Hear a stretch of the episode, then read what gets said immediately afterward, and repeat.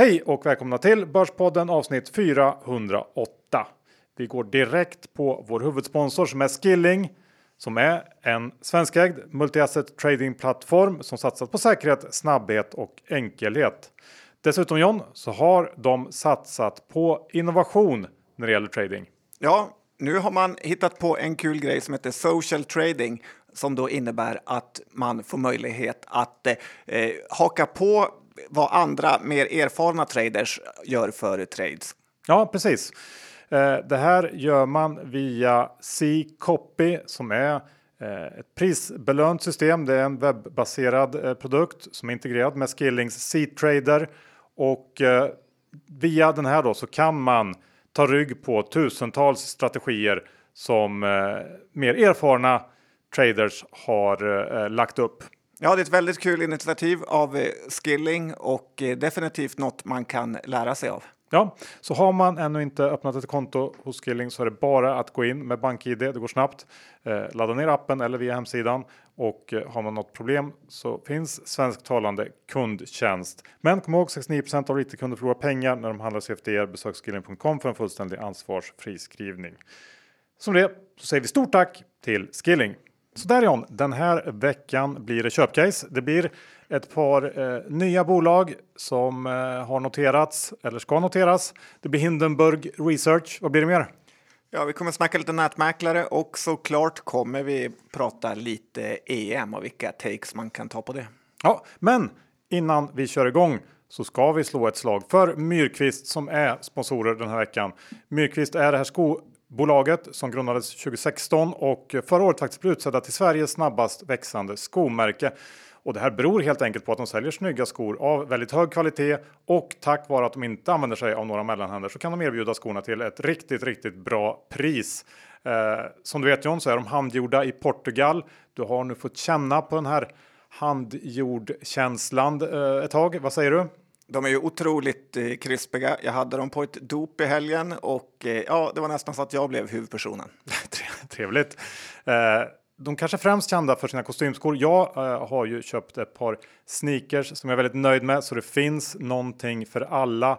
Och ehm, vi ska väl nämna att eh, för våra lyssnare så finns det en bonuskod. Den är Börspodden och den ger alla som köper ett par skor eh, ett par gratis skoblock på köpet. Eh, det här gäller fram till söndag eh, 20 juni så att eh, ska man skaffa skor så tycker jag att man ska passa på att använda det här. Och det är myrkvist.se eller deras butik i Stockholm i Modgallerian som gäller. Så stort tack till Myrkvist! Johan Dr. Bass Isaksson index står i 22,84 och vi var faktiskt för en liten stund över 2300. Eh, nu har vi kommit ner lite från de absolut högsta nosebleed levels, men börsen är haussig precis som du har faktiskt eh, förutspått de senaste veckorna. Ja, men vi var precis över att toucha Eh, 2300 nivån. Ehm, vi får se här. Veckans stora makrohändelse är ju dagens räntebesked från Fed och eh, om Powell och gänget upplevs lägga lite mer vikt vid den senaste tidens starka inflationssiffror så kan det nog eh, kanske sätta tonen in i sommarbörsen så att det kan vara värt att vara lite extra uppmärksam kring hur de kommunicerar här senare idag. I övrigt tycker jag det är svårt ehm, att inte höja lite på ögonbrynen åt den här extremt intensiva noteringsmarknaden vi har just nu. Det väller in nya bolag på börsen, eh, vilket säg kanske är lite av en varningssignal. Eller vad säger du? Ja, samtidigt vill ju man stänga böckerna inför sommaren, så det är väl nästan så som det är på alla jobb att det är mycket att göra i slutet av juni. Dessutom väldigt kul också att det kommer en del bolag som faktiskt är av ganska hög kvalitet. Verkligen. Något annat som är riktigt kul är ju att EM äntligen är igång. Ja, det känns så kul för oss som har väntat ett extra år på det och eh, det har ju genom årtionden varit en bra investeringsstrategi att eh, investera i de bolagen som är så mäktiga och har så mycket framåtanda att de sponsrar stora mästerskap. Vi har tagit upp flera gånger som klassiskt exempel att om man kollar på VM-krönikan från Mexiko 86 så finns nästan alla de företagen kvar idag och är större än någonsin. Men på senare år så har det ju skett ett sånt här extremt paradigmskifte eh, får man säga, från västerländska bolag till kinesiska bolag som helt tagit över. Hisense är med överallt som en kinesisk elektroniktillverkare. Eh, kollar du på Amazon.se så finns deras tv-apparater där till riktigt låga priser faktiskt, men också har de väldigt höga betyg. Jag funderar faktiskt på att köpa en sån. Med nackdelen att, att det är någon slags kamera som filmar den hela tiden då? Ja, men det kan man gilla också Johan. Vivo är ett annat kinesiskt företag eh, som stor satsar på EM och eh, gör då reklam för sin nya mobiltelefonmodell. Och eh, det är ju intressant att det är ett Europamästerskap här och alltså inget som riktar sig mot hela världen och snart är det kanske så att hela Europa blir helt dominerade av Kina på ett eh, sätt som inte känns helt eh, soft. Du glömde TikTok, Kina-appen. Ja, den är stor med. Ja, ja lite läskig spaning kanske. Själv gör jag mitt bästa genom att dricka Heineken. Bra, stå emot. Du, eh, jag vet inte om du noterade det här igår, men de här Hindenburg Research släppte en negativ analys eh, kring DraftKings som eh, framförallt gick ut på att såga SBTech sönder och samman. Med rätta ska man säga, för SBTech är ett skurkföretag.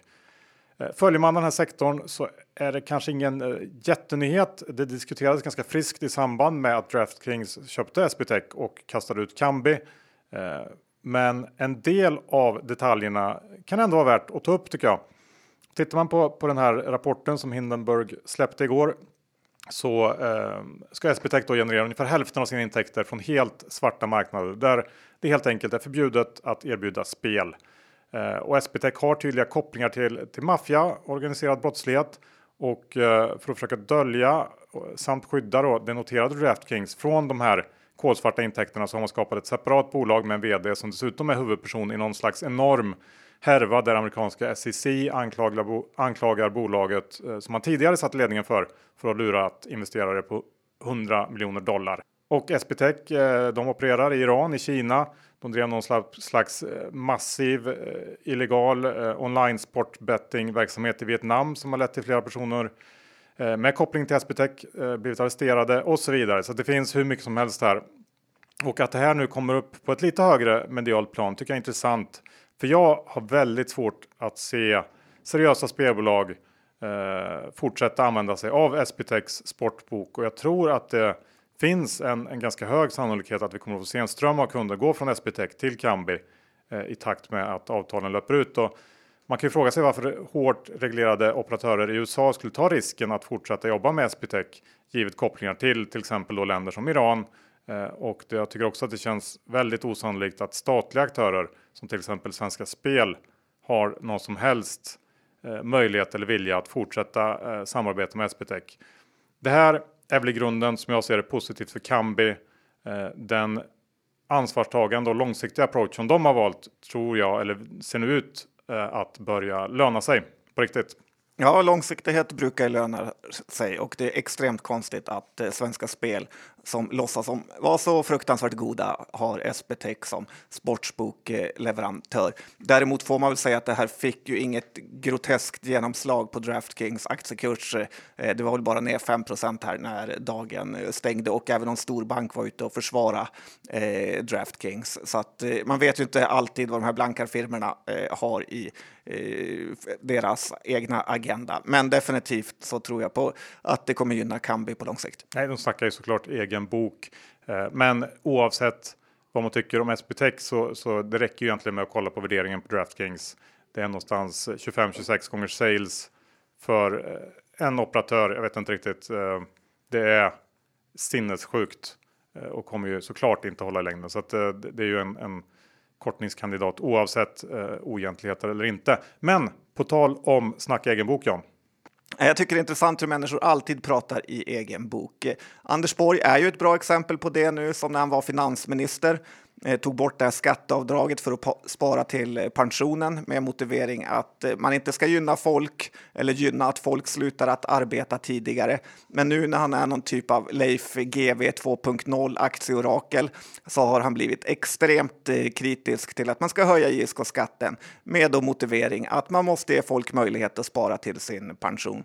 Det är lite som folk på LinkedIn som delar inlägg och alltid skriver att de är så stolta över det företag de jobbar på, olika initiativ, när man vet att det är till 100 procent av anledning att de delar det här inlägget för att deras chef ska se hur committade de är och att det sen ska ge en gräddfil till eh, något bättre jobb. Så är det.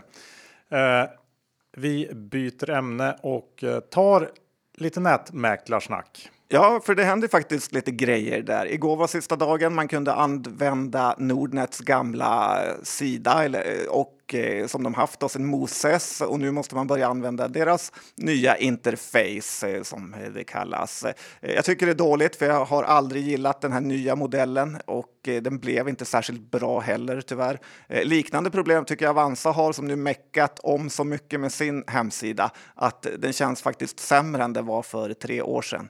Eh, och lite så är det faktiskt så att Avanza under Rickard Josefssons ledning tappat nästan hela sitt försprång mot Nordnet och eh, eh från att Avanza varit helt överlägsna i både börsvärde och användarvänlighet så är nu båda faktiskt ganska likvärdiga. Eh, det känns som att ingen av nätmäklarna faktiskt har en överlägsen position längre och det skulle kunna öppna upp för nya aktörer för första gången på länge i en marknad eh, som varit helt dominerad av de här två. Och eh, för antingen har man haft Nordnet eller så har man haft Avanza. Det som räddar dem är ju att de svenska storbankerna helt gett upp det här racet med retailkunder som faktiskt varit extremt lönsamt. Swedbank är ju värderat Eh, till 176 miljarder och Avanza Nordnet båda kring 40 miljarder var här. Så det har ju uppenbarligen funnits stora pengar att tjäna i den här eh, sektorn. Pengar som man kan säga storbankerna kanske lämnat på bordet, men frågan är hur länge. Mm. Här eh, tycker jag inte alls som dig faktiskt. Dels så känns de ju som, som starkare än någonsin Avanza och Nordnet. Eh, jättesvårt att se att någon ska komma in från sidan. Och dessutom det här med, eh, det är alltid så att folk klagar när man ändrar på hemsidorna. Eh, det går ju liksom inte att ändra på en hemsida utan att i princip alla klagar. Det är bara så. Eh, man vill ha det man är van vid. Jag, jag, mm, ja, jag, varje gång. Så att jag, det, folk kommer vänja sig och sen så har man glömt bort det och så visar det sig att det faktiskt är bättre. Tror jag. Eller så är det inte det Johan. Eller så blir det så. Vi får se. Vi är sponsrade av First Venture som just nu genomför en IPO på 225 miljoner kronor och ska listas på Nasdaq First North. Och grundarna bakom First Venture har lång erfarenhet av att investera i framgångsrika företag. Däribland Humble Group som idag värderas till drygt 4 miljarder kronor. Och dessutom så har bolagets grundare Rune Nordlander och Peter Wärme arbetat tillsammans i över 15 år och skapat tillväxt i såväl unga som väl etablerade företag. Och med sitt breda nätverk och upparbetade kanaler så får de tillgång till en stor mängd unga bolag med tydlig värdeökningspotential. Och de här bolagen går sedan igenom en mångårigt förfinad utvärderingsprocess där bara en liten del går vidare. Och genom åren så har First Venture analyserat tusentals bolag till en portfölj som idag består av 13 bolag, varav två är noterade. Ja, och vad är deras nyckel till framgång då? Jo, det är att tidigt identifiera blivande vinnare inom sådana här megatrender som det talas om. Teknik, hälsa och hållbarhet. Många av de här investeringarna sker också långt innan bolagen hunnit bli välkända och eh, kommit in på börsen. Eh, och då med en lång rad befintliga portföljinnehav som har växt väldigt mycket och eh, flera andra analyserade bolag på radarn välkomnar nu de faktiskt allmänheten att följa med på den här resan mot nästa miljardsuccé om man har tur. Ja, och tycker man det här låter intressant då ska man såklart läsa prospekt och all annan tillgänglig information. Teckningsperioden den pågår fram till den 23 juni, 22 juni för Avanza och Nordnet och ni kan läsa mer på first-venture.se, alltså first-venture.se. Vi säger stort tack till First Venture. Vi är också sponsrade av Lendify. Jag var faktiskt inne eh, här i helgen och köpte lite nya lån till vår portfölj Johan som tickar på i ur och skur. Nu när börsen är så extremt högt värderad så är det faktiskt kul att eh, kunna addera lite till ett säkert kassaflöde som man faktiskt får via Lendify. Och, en sak jag upptäckt är faktiskt att om du köper lite större portföljer på andrahandsmarknaden så kan du få några procent i rabatt eh, på dem. Jag tycker det är fiffigt. Det är det. Eh, har ni inte öppnat konto men är sugna så gör ni det med fördel via vår länk lendify.se snedstreck Bordspodden. För gör man det, då får man 500 kronor extra insatt på sitt konto om man eh, stoppar in och investerar minst 20 000 kronor. Och det här är som sagt eh, ett bra komplement till börsen. Nu står börsen högt. Då kan det vara läge att eh, flytta lite kapital till eh, räntemarknaden istället. Som det säger vi stort tack till Lendify. John, idag tänker jag att vi börjar med lite noteringssnack. Ja, spännande. Det är ju som sagt mycket bolag. Vad ska du överraska med? Ja, jag ska inte överraska, eh, för det är svårt när man vet vilka bolag som eh, har noterats eller på väg in. Jag tänkte vi ska börja med Revolution Race som ju gick in på börsen idag. Eh, handlats någon timme här bara och eh, Revolution Race är ju det här friluftsklädesmärket eh, som de säljer sina kläder utan mellanhänder på nätet till kunder i 35 länder och tillväxten har varit ofattbar. Bolaget grundades 2013 och man ligger nu rullande på 730 miljoner kronor i omsättning. Eh, siktar väl på runt 900 tror jag för det här brutna räkenskapsåret eh, och en rörelsemarginal kring 25 procent. Eh, målet är att omsätta 2 miljarder under eh, räkenskapsåret 23-24. De har ju brutet då, vilket innebär en snitttillväxt på 30 per år här framöver och marginalen ska minst uppgå till 25. Och Eh, den här modellen de har eh, gör det ganska enkelt och billigt att lansera på nya marknader. Eh, marknadsföringsmässigt så jobbar man mycket med sociala medier och eh, influencers. Värderingen den är såklart hög, men samtidigt i linje ungefär med andra noterade e-handelsspelare som Eh, Rugvista eller Desenio, i alla fall om man tittar på prognoser. Då. Och om man köper den här aktien, då måste man ju tro på att eh, framförallt då tillväxten fortsätter eh, det finns kanske en viss risk för att det senaste årets enorma tillväxt har en del coronadoping i sig. Så det får man fundera på man måste också tro på att den här friluftstrenden är här för att stanna. Ehm, aktien upp ungefär 15% nu när vi spelar in från noteringskursen. Ehm, jag har personligen svårt att se någon eh, större potential än så faktiskt närmsta tiden så att jag, jag Tycker inte att det är ett köpläge här. Eh, på sikt, vem vet vad som kan hända om de fortsätter växa. Nej, du la faktiskt upp det som att jag trodde att du hade fläskat på ordentligt här på eh, morgonkvisten.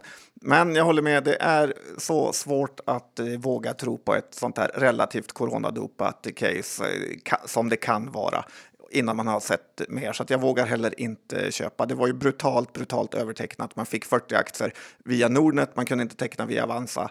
Eh, så att eh, det har ju varit hypat i alla fall. Så nästan liten besvikelse med bara den här 15 i uppgången. Ja, men de eh, tog i ganska rejält också när de satte priset så att ehm, ja, så är det med det. Sen tänkte jag ta upp Acast podcastbolaget Acast som noteras eh, imorgon tror jag på torsdag. Och det här är ju lite av vår bransch, John. Så vad tycker vi om det här? Eller jag? Kanske. Ja, det är kanske du som tycker att jag har tecknat kan jag säga. Det har du. Mm. ja. Äh, men till att börja med så kan vi väl kort gå igenom vad, vad Acast gör egentligen. Och det här är ju alltså då en av de större annons och publiceringsplattformarna för poddar. Eh, Acast har närmare 30 000 podcasts över hela världen som då använder sig av deras verktyg på ett eller annat sätt. Och förra året så växte man intäkterna med Drygt 60% till eh, strax under 600 miljoner. Gjorde samtidigt en rörelseförlust på 150 miljoner. Eh, och Acast intäkter då, de kommer nästan uteslutande från annonsförsäljning i alla de här poddarna man har på plattformen där Acast helt enkelt då tar en andel av annonsintäkten. Eh, bolaget har länge pratat om sin, eh, sin teknik när det gäller här, sin dynamiska annonspublicering som en fördel och det är alltså när man Eh, Eh, automatiskt infogar annonser i poddavsnitt. Ni har säkert hört det eh, då och då. Personligen gillar jag inte det. Jag tycker ofta att de här annonserna kommer konstigt, kan komma mitt i ett resonemang eller en mening eh, och det ger ett konstigt intryck och stör lyssningen lite grann. Men poddar som fenomen växer. Allt pekar ju på att det kommer att fortsätta, men det här innebär också att det finns konkurrenter. Eh, I Acasts fall ganska stora konkurrenter. Den, främ, den man främst kanske ska oroa sig för det är väl Spotify som eh, sista året eller åren satsat eh, väldigt hårt får man säga på poddar. Både köpt eh, content, eh, Joe Rogan kanske man tänker på främst, men också andra eh, liknande grejer och eh, även eh, teknik har de köpt. Så att eh, det får man fundera på. Det finns också en, en till aspekt att ta upp här tycker jag. Vi har ju pratat om turerna kring grundarnas eh, aktieförsäljningar eh, tidigare år. De har ju så, sålt alla sina aktier och deras lite märkliga uttalanden om bolaget. Eh, jag för mig att någon av dem sa att eh, äntligen fri eh, när han hade sålt sina aktier. Ehm, det tycker jag eh, är lite sådär och eh, det har ju funnits väldigt mycket aktier i Acast till salu i den så kallade grå marknaden det sista året. Och eh, Eh, jag gillar inte att, att eh, grundarna, visionärerna har sålt allt i det här bolaget när det knappt har börjat på något sätt. Eh, värderingen var också väldigt mycket lägre här under det sista året än de 6,5 miljard som börsvärdet blir nu när man går till börsen. Och jag gissar att det kommer finnas väldigt många säljare eh, när den här aktien väl noteras som gjort ett snabbt klick, klipp på de här aktierna. Så sammanfattningsvis tycker jag att Acast har, de har levererat fin tillväxt. Eh, bättre än vad jag kanske trodde eh, för något år sedan. Men lönsamheten ligger fortfarande väldigt långt borta. Um, och även om de nu får en, en stor krigskassa när de går in på börsen så har faktiskt konkurrenterna ännu mer pengar att bränna. Uh, och dessutom så händer det också saker vid sidan om uh, och då tänker jag på när det gäller hur man monetariserar poddar. Det är inte alls säkert att nuvarande sättet med annonser kommer att vara framtiden och det tycker jag är en ganska stor risk för Acast som ju eh, har byggt allting på, på den här eh, annonsförsäljningen. Så att eh, ja, det är också tveksam. Eh, och framförallt kanske så är det värderingen. Den är alldeles, alldeles för hög. Eh, jag tror att den här aktien kommer att få det tufft på börsen och eh, kan nog se att, att alla som köper på noteringen ligger back efter sommaren eller något sånt. Ja, jag är lite mer positiv. Jag tycker att det finns något läckert i att vara hela världens radioreklamsäljare eh, på något sätt. Och eh, som sagt, poddar har ju tiden med sig.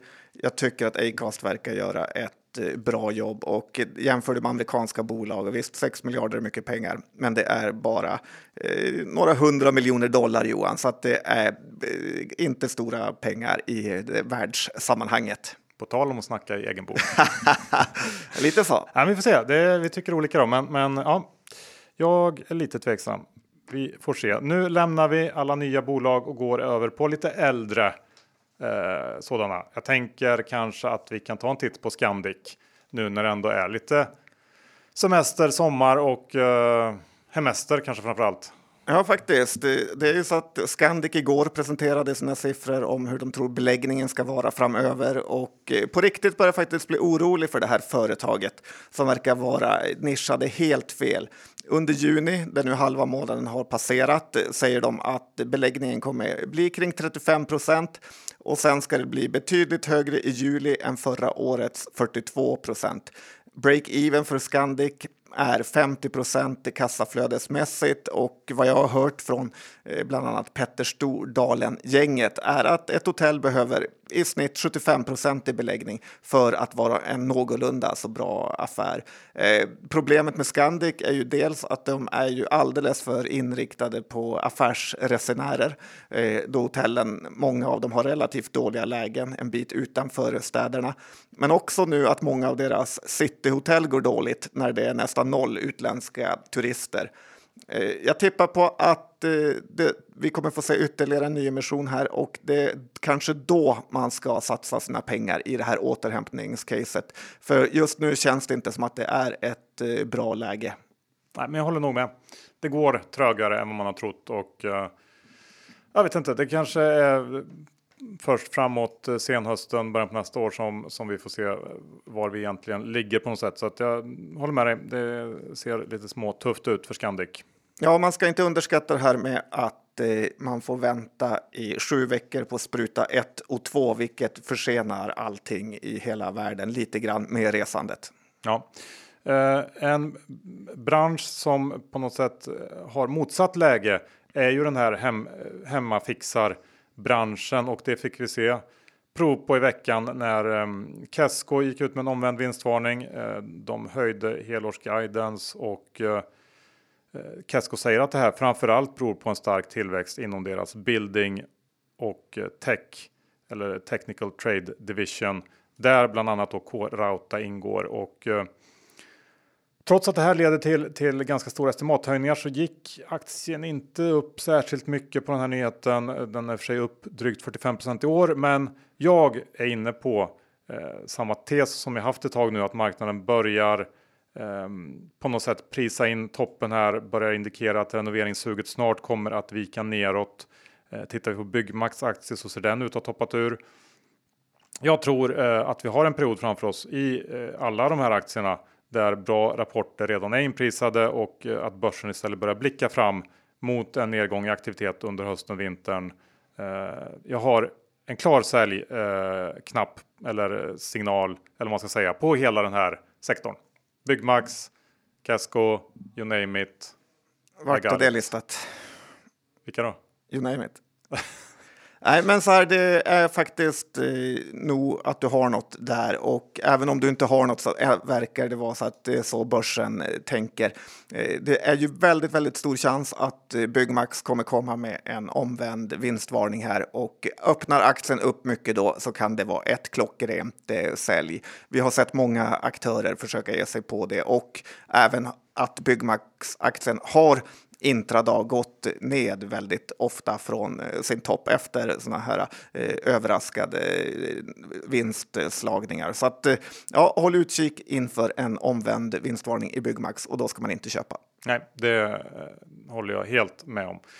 Um, när vi ändå är inne på omvända vinstvarningar, Jan, vi fick ju också en från Hansa uh, här i veckan som uh, mer eller mindre dubblar rörelseresultatet jämfört med föregående års andra kvartal.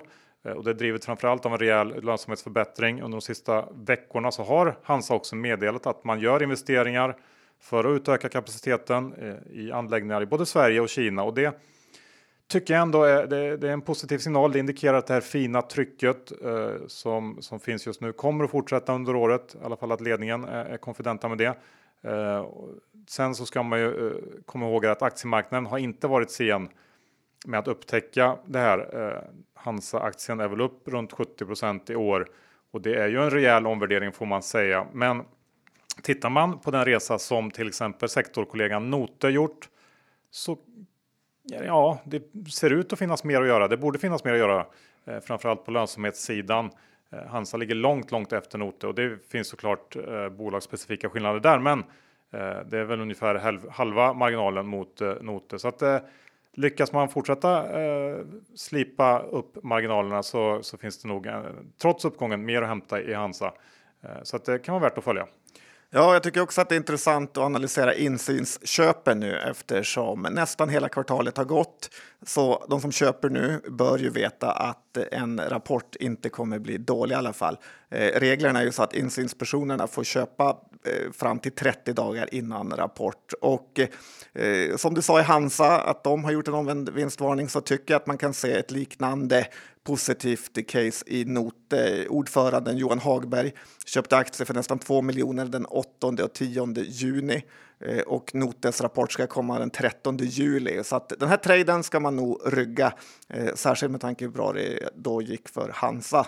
Eh, visserligen ska man säga att den här ökningen är ju relativt obetydlig för honom eftersom han redan äger så extremt mycket aktier i Note. Men man brukar ju säga att det bara finns, eh, eller att det finns många anledningar till att sälja en aktie, men bara en för att köpa. Eh, så att jag funderar på att ta ett litet späck i Note här inför rapporten. Bra, ja, det behöver ju inte vara fel och det är väl någon slags eh, sådär generell signal att eh, det tuffar på bra där ute eh, när de här aktörerna eh, har mycket att göra. Ska vi eh, titta lite grann på dina två eh, case du tog med i veckan? Ja, men faktiskt. Jag har hittat, tittat utanför Sveriges gränser och då eh, tittat på bo, ett bolag som heter Salzgitter som är ett tyskt SSAB som igår gjorde en omvänd vinstvarning igen faktiskt. Det är andra gången i år de höjer prognosen som nu ska vara kring 400 till 600 eh, miljoner euro i, före skatt för det här året. Då. Och eh, det får ställas mot deras börsvärde som är på 1600 miljoner euro. Så, och om jag förstod deras redovisningsrätt så är deras nettoskuld bara på 600 miljoner euro. Så att med de här siffrorna så är ju det här bolaget extremt billigt och jag antar att marknaden just nu inte vill värdera upp Salzgitter för att det är så konjunkturkänsligt och kanske för att de här vinsterna är lite easy come, easy go. Eh, för att bolaget eh, i början av året då trodde att de skulle tjäna 150 till 200 miljoner euro. Så att eh, de har nog tjänat extremt mycket på stigande råvarupriser. Men jag är ändå lite köpsugen för att jämfört med SSAB så är de ju väldigt lågt värderade och jag tycker ofta att uppvärderingar i tung verkstad brukar ta betydligt längre tid innan marknaden riktigt inser hur billigt det är. Så att eh, Salzgitter är jag lite köpsugen på. Mm, Okej, okay, jag förstår. Och, uh, ja, du kan väl fortsätta. Ja, sen har jag ett annat uh, köpcase som är norska sprit och vinbolaget Arcus. De levererade ju en väldigt bra Q1 men som har hamnat helt i skymundan eftersom allt fokus är på sammangåendet med finska Altia Eh, är jag rätt nu, du som är finsk expert? Nej, inte helt. Men... Eh, hur som helst, det här sammangåendet kostar eh, pengar och drar ned resultatet. Detsamma gäller då för finska Altia som också har massa engångskostnader för den här sammanslagningen. Man ska också komma ihåg att det finns ett litet arbitrage att göra här genom att köpa norska Arcus eh, som då handlas med några kronors rabatt jämfört med vilken andel man kommer få i det här nya bolaget som då kommer heta Anora Group. Eh, dock har det varit lite problem med konkurrensmyndigheterna i främst eh, kommunistiska Norge. Eh, men grejen är att om man köper Arcus nu så får man en eh, fin del i ett nordiskt stort alkoholbolag eh, som äger många av de finaste märkena. Och eh, skulle affären inte gå igenom så är Arcus-aktien fortfarande attraktiv och enligt mig kanske hållits nere lite konstgjort av den här långsamma fusionen. Så att jag är småsugen.